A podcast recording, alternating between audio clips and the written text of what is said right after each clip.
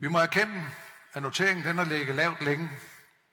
Og vi ved også godt årsagen til det. Det er for det internationale, Der er kommet en stigende svineproduktion. Alene i Europa har vi haft en produktionsstigning på 2,5 procent. USA, Kanada og Brasilien, de har ligget mellem 2 og 4 procent.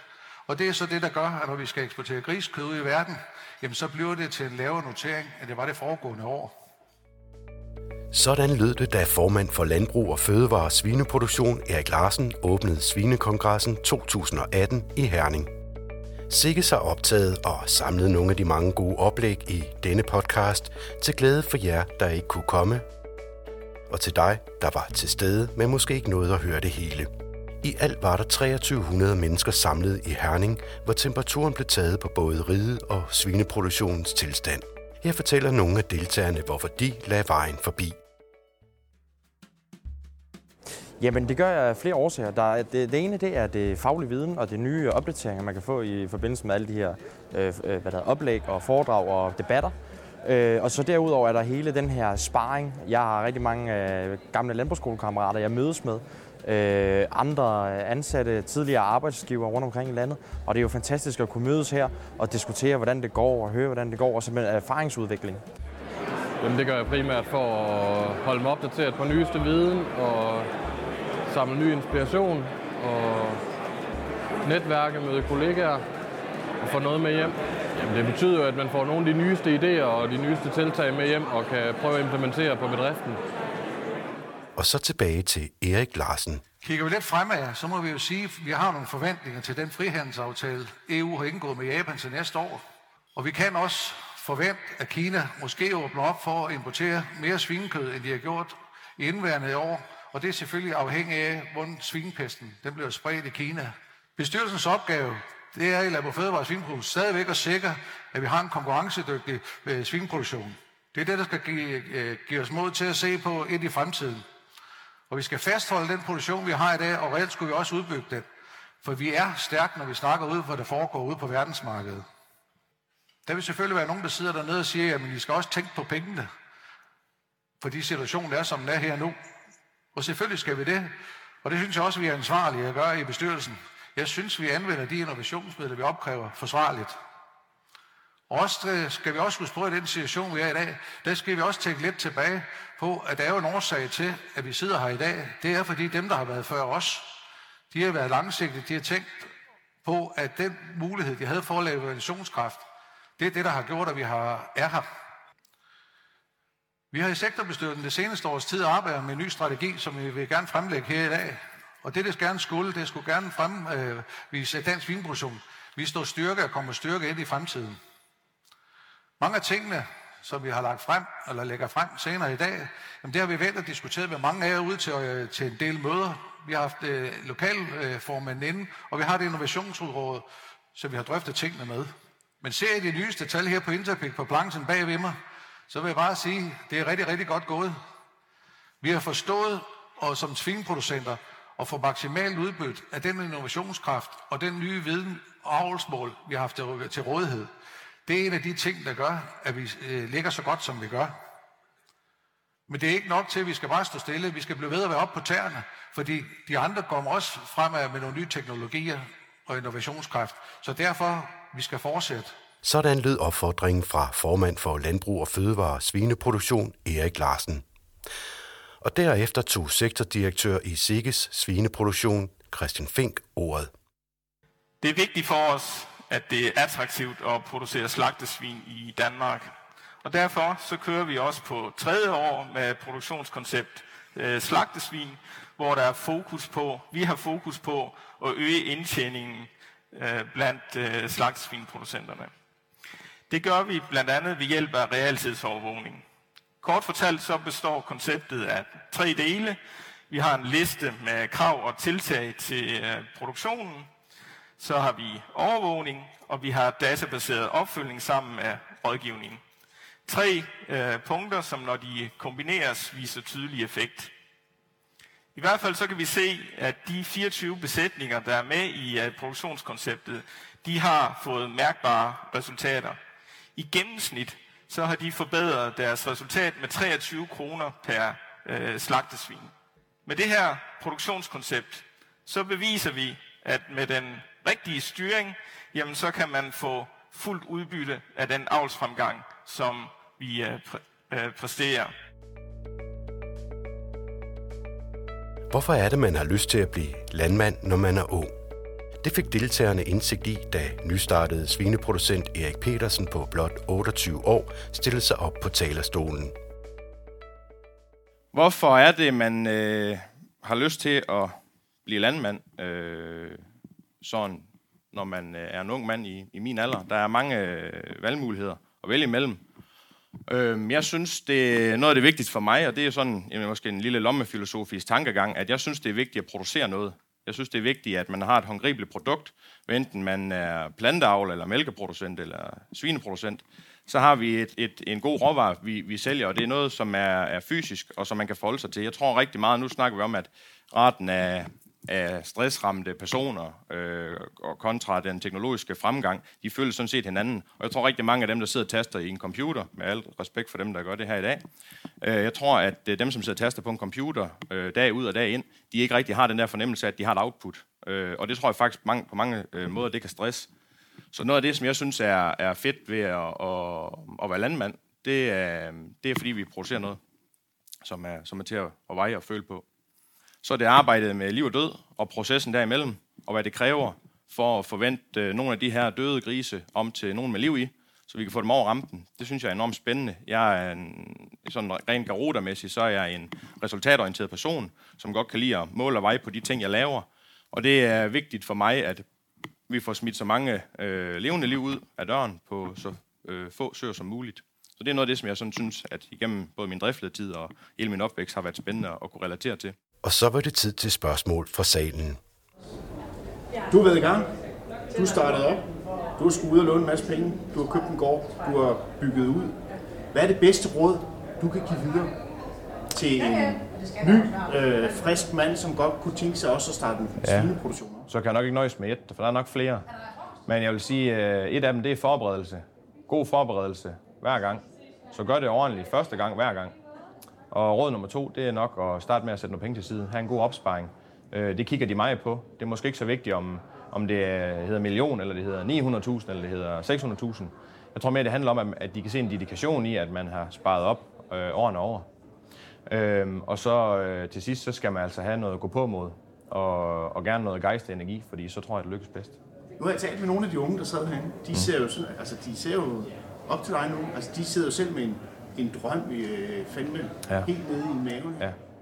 Men de skal, de skal bare vente sig, for jeg tror, der, der skal nok komme noget ejendom til salg her med, med den gennemsnitsalder, vi har. Så øh, de skal væbne sig med tålmodighed, og øh, så have en, en øh, vilje til at sætte penge til side, og så skal de vente til den rigtige ejendom, den kommer, og så regne på, om det er det, de vil bruge resten af deres liv på. Ja. Og du tror selvfølgelig på det. Du tror ja. På fremtiden for, øh, for svinebranchen. Jeg tror på måden, jeg vil leve mit liv på, og jeg tror på, øh, at vi laver nogle helt fantastiske produkter i Danmark, som vil kunne sælges, måske ikke nationalt, men internationalt, på grund af, at, det, øh, at, at de er, vi får an på både øh, miljøfront og bæredygtighed og øh, dyrevelfærd. Så øh, helt sikkert. Før vi går videre til næste oplæg, skal vi lige høre, hvorfor svineproducent Jens Gudke lagde vejen forbi Svinekongres. Jeg tager på Svinekongres for at blive tanket op med ny viden og for at netværke med mange af mine kollegaer. Øhm, og, og ja, få noget nyt viden, jeg kan bruge hjemme på min bedrift. Hvor får du mest henne? Altså, hvor får du mest ud af det hen? Ved at netværke eller ved at gå til de her foredrag? Altså, øh, det er der ved at gå til de foredrag. Det er ved at få det nyeste viden, øh, viden fra de forsøg, de laver og, og sådan noget. Så det er foredragene, jeg får det mest viden ved.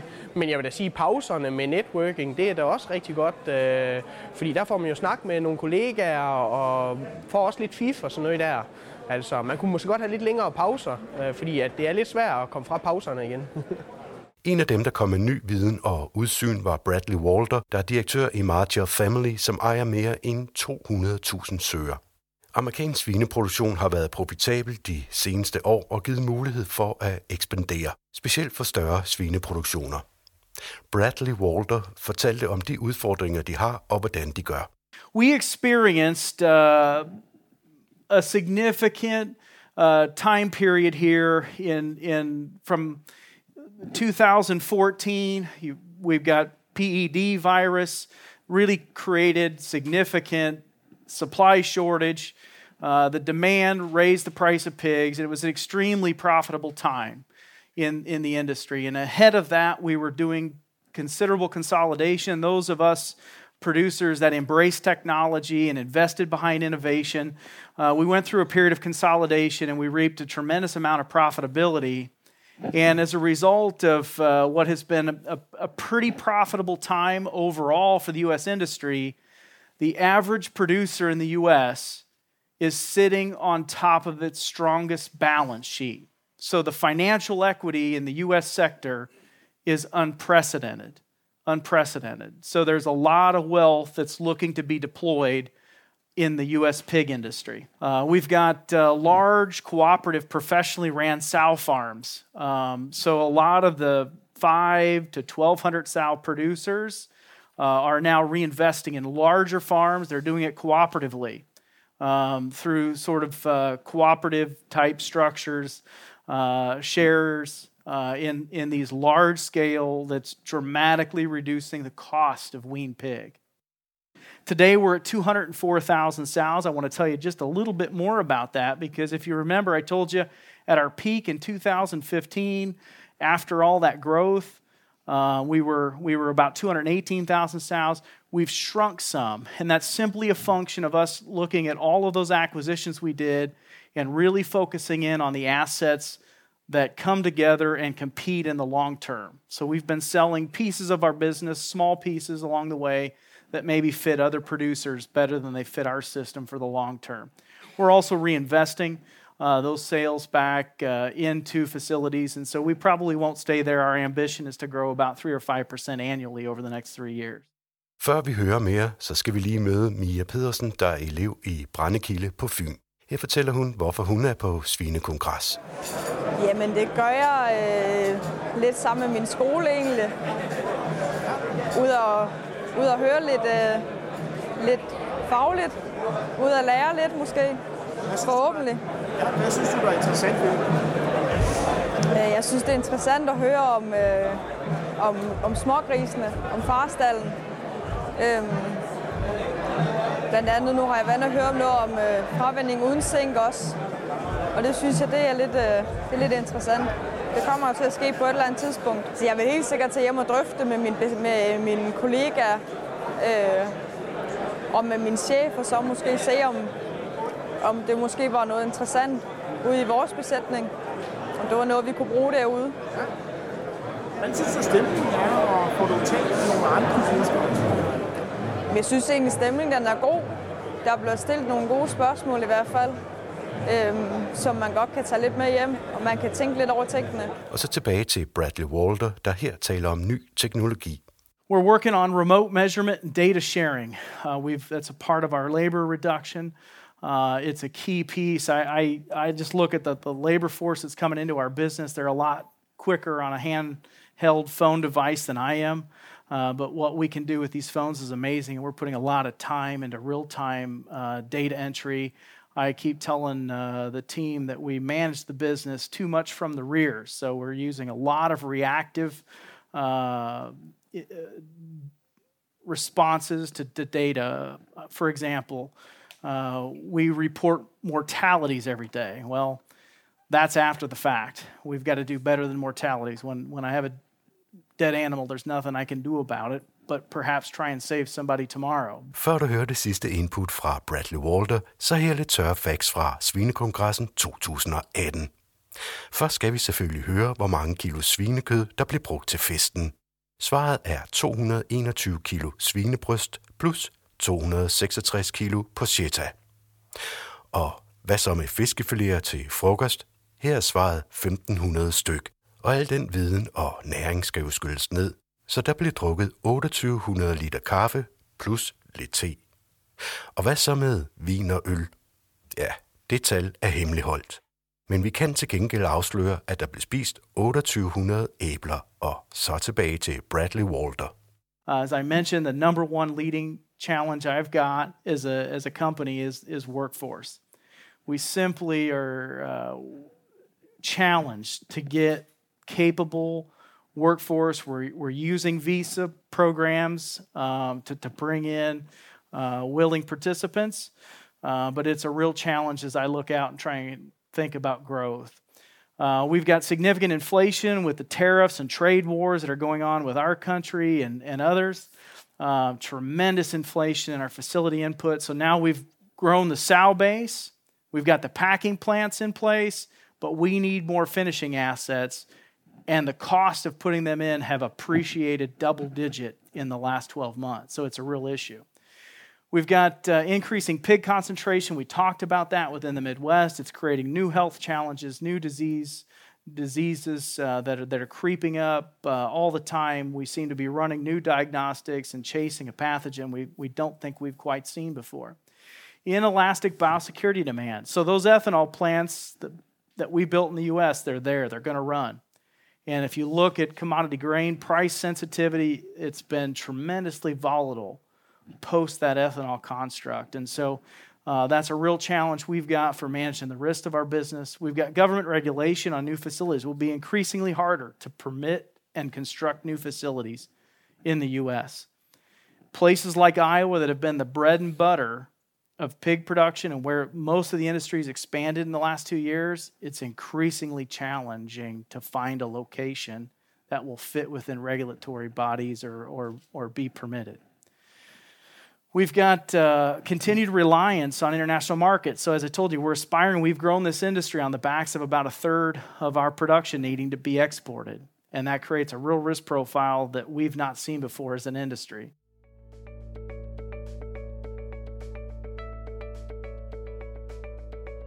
Sidste oplægsholder, du kan møde i denne podcast fra SIGES, er finansminister Christian Jensen. Danmark er et landbrugsland med stor eksport, men hvor skal væksten og arbejdskraften komme fra i fremtiden? Og det glæder mig da også, at I får Lars Rode på besøg i morgen. Og jeg håber, I vil give ham nogle input med tilbage. Og måske en mentalitetsændring. Fordi der kan jo to veje at gå, hvis man øh, konstaterer, at en tredjedel af landbruget ikke er rentable. Enten Lars Rodevejen at sige, at så skal en tredjedel bare tage og smutte hjem og lave noget andet. Eller også den anden tilgang at sige, at så har vi brug for at gøre en indsats for, at den tredjedel af landbruget, der ikke er rentabel, bliver rentable.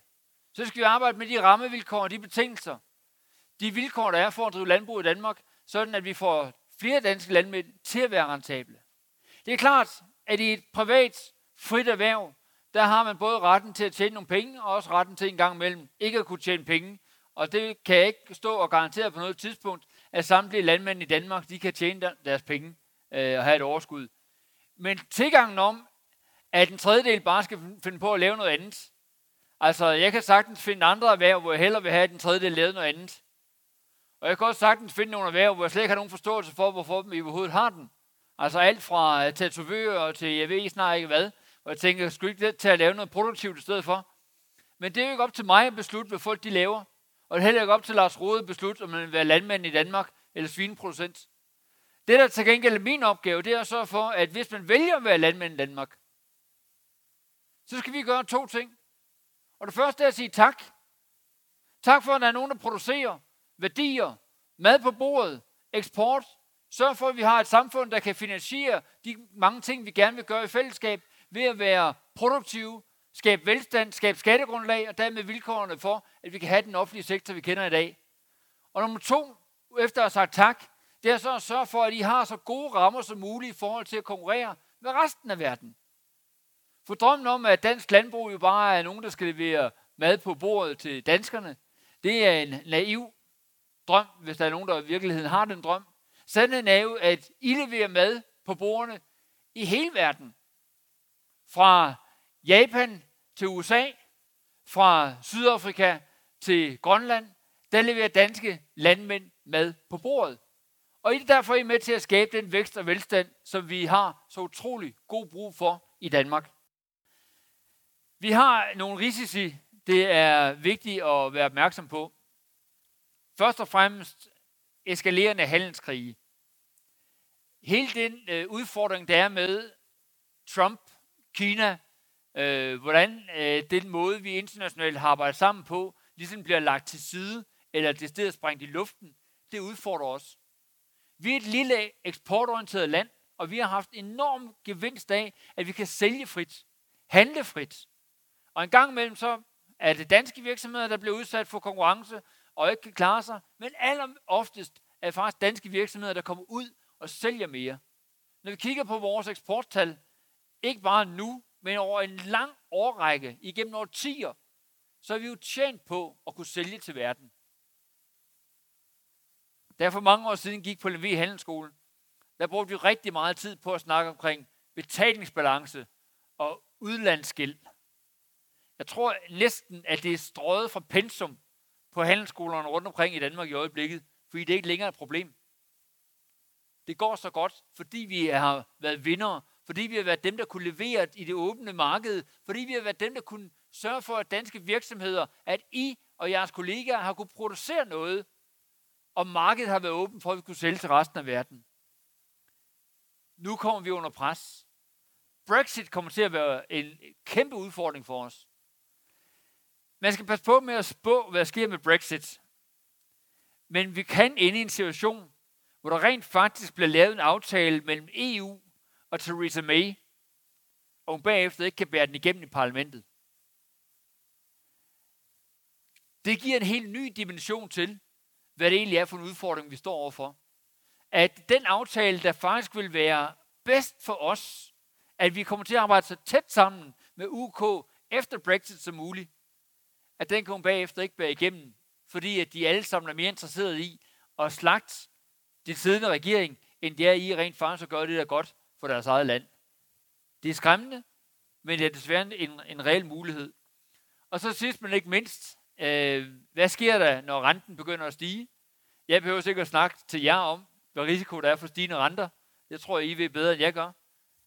Sagen er jo bare, at vi har haft i rigtig, rigtig lang tid en situation, hvor økonomien er stærk i hele Nordeuropa, men renten stadigvæk er helt i bund. Og alt traditionel udvikling vil sige, at på et eller andet tidspunkt, når økonomien begynder at gå bedre, så skal renten også stige. Og med udspil som den italienske regerings forslag til finanslov, der pludselig sprang deres øh, renteniveau 3 procentpoint op, det gør altså utrolig meget i forhold til, hvad er det for en situation, vi står øh, overfor. Og derfor kan finansiel uro godt være med til at betyde rigtig, rigtig meget, øh, også fremadrettet.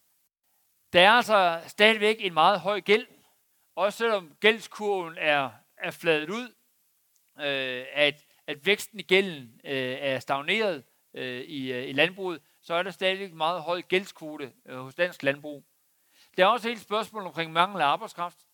Øh, jeg vil bare konstatere, at det ikke lykkedes at gøre det øh, bevidst over for flere danskere, at de øh, skal trække i en kedeldragt og komme ud og arbejde også i et landbrug, hvis de mangler et arbejde. Og derfor er I stadigvæk afhængige af, at vi kan tiltrække og rekruttere udenlandsk øh, arbejdskraft. Og så er der selvfølgelig Brexit, som jeg har været inde på. Det bliver en øh, ret afgørende øh, faktor. Øh, det ved de sådan set også i Storbritannien. Jeg havde fornøjelsen af i øh, fredags at have en øh, britisk minister til bords, og han var helt bekymret for, det, hvad, hvad der skulle ske. For som han sagde, Britain runs on the three Danish B's, beer, butter and bacon. Øh, og det tror jeg sådan set, han har meget ret i. Hvad er det så med udlandsk arbejdskraft og landbruget? Ja, i løbet af de sidste fem år, der er andelen af udenlandsk arbejdskraft i dansk landbrug steget fra godt 25 procent til godt 35 procent. Og det viser bare, hvor afgørende vigtigt det er, at I har adgang til folk, der gider tage hænderne op af lommen og tage fat i jeres produktion, i jeres hverdag. Og der har vi et kæmpemæssig udfordring i at få reglerne gjort så smidige som muligt, sådan at de kan få de folk ind, der er afgørende i jeres produktion. I øvrigt er det også mit indtryk, at mange af dem, der er ansat i landbruget rundt omkring, er værdifulde medlemmer af lokalsamfundet, der hvor de arbejder. Hvor de er med til at sørge for, at der er børn i børnehaven, elever i skolerne, aktivitet i foreningslivet med videre.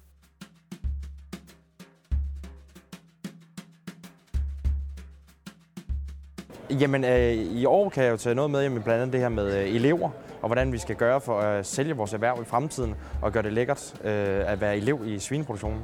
Derudover så er der øh, hele det her med øh, hvad der er, marked, hvad det er, vi skal producere i fremtiden, hvilke produkter det er, vi skal have. Og så er der jo øh, igen et fantastisk netværk, øh, som man har, som kun er blevet stærkere efter sådan en tur. Får noget med hjem omkring øh, udfasningen af zink og hvilke alternativer der findes, og hvordan vi kan drive vores produktion uden det i fremtiden. Jeg er inde med, med øh, 48 kroner per slagtesvin øh, og noget staldklima til slagtesvin. Øh, da det er en slagtesvinproduktion, jeg har, så er det egentlig det, jeg føler mest om. Øh, og der har jeg da nok øh, fået lidt ud af det der øh, 48 kroner med øh, nogle ting, nogle fif han gør, som jeg også kunne bruge hjem på min bedrift.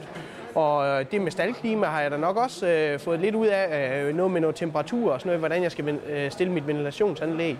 Så jeg mener egentlig, at jeg har allerede fået noget ud af det.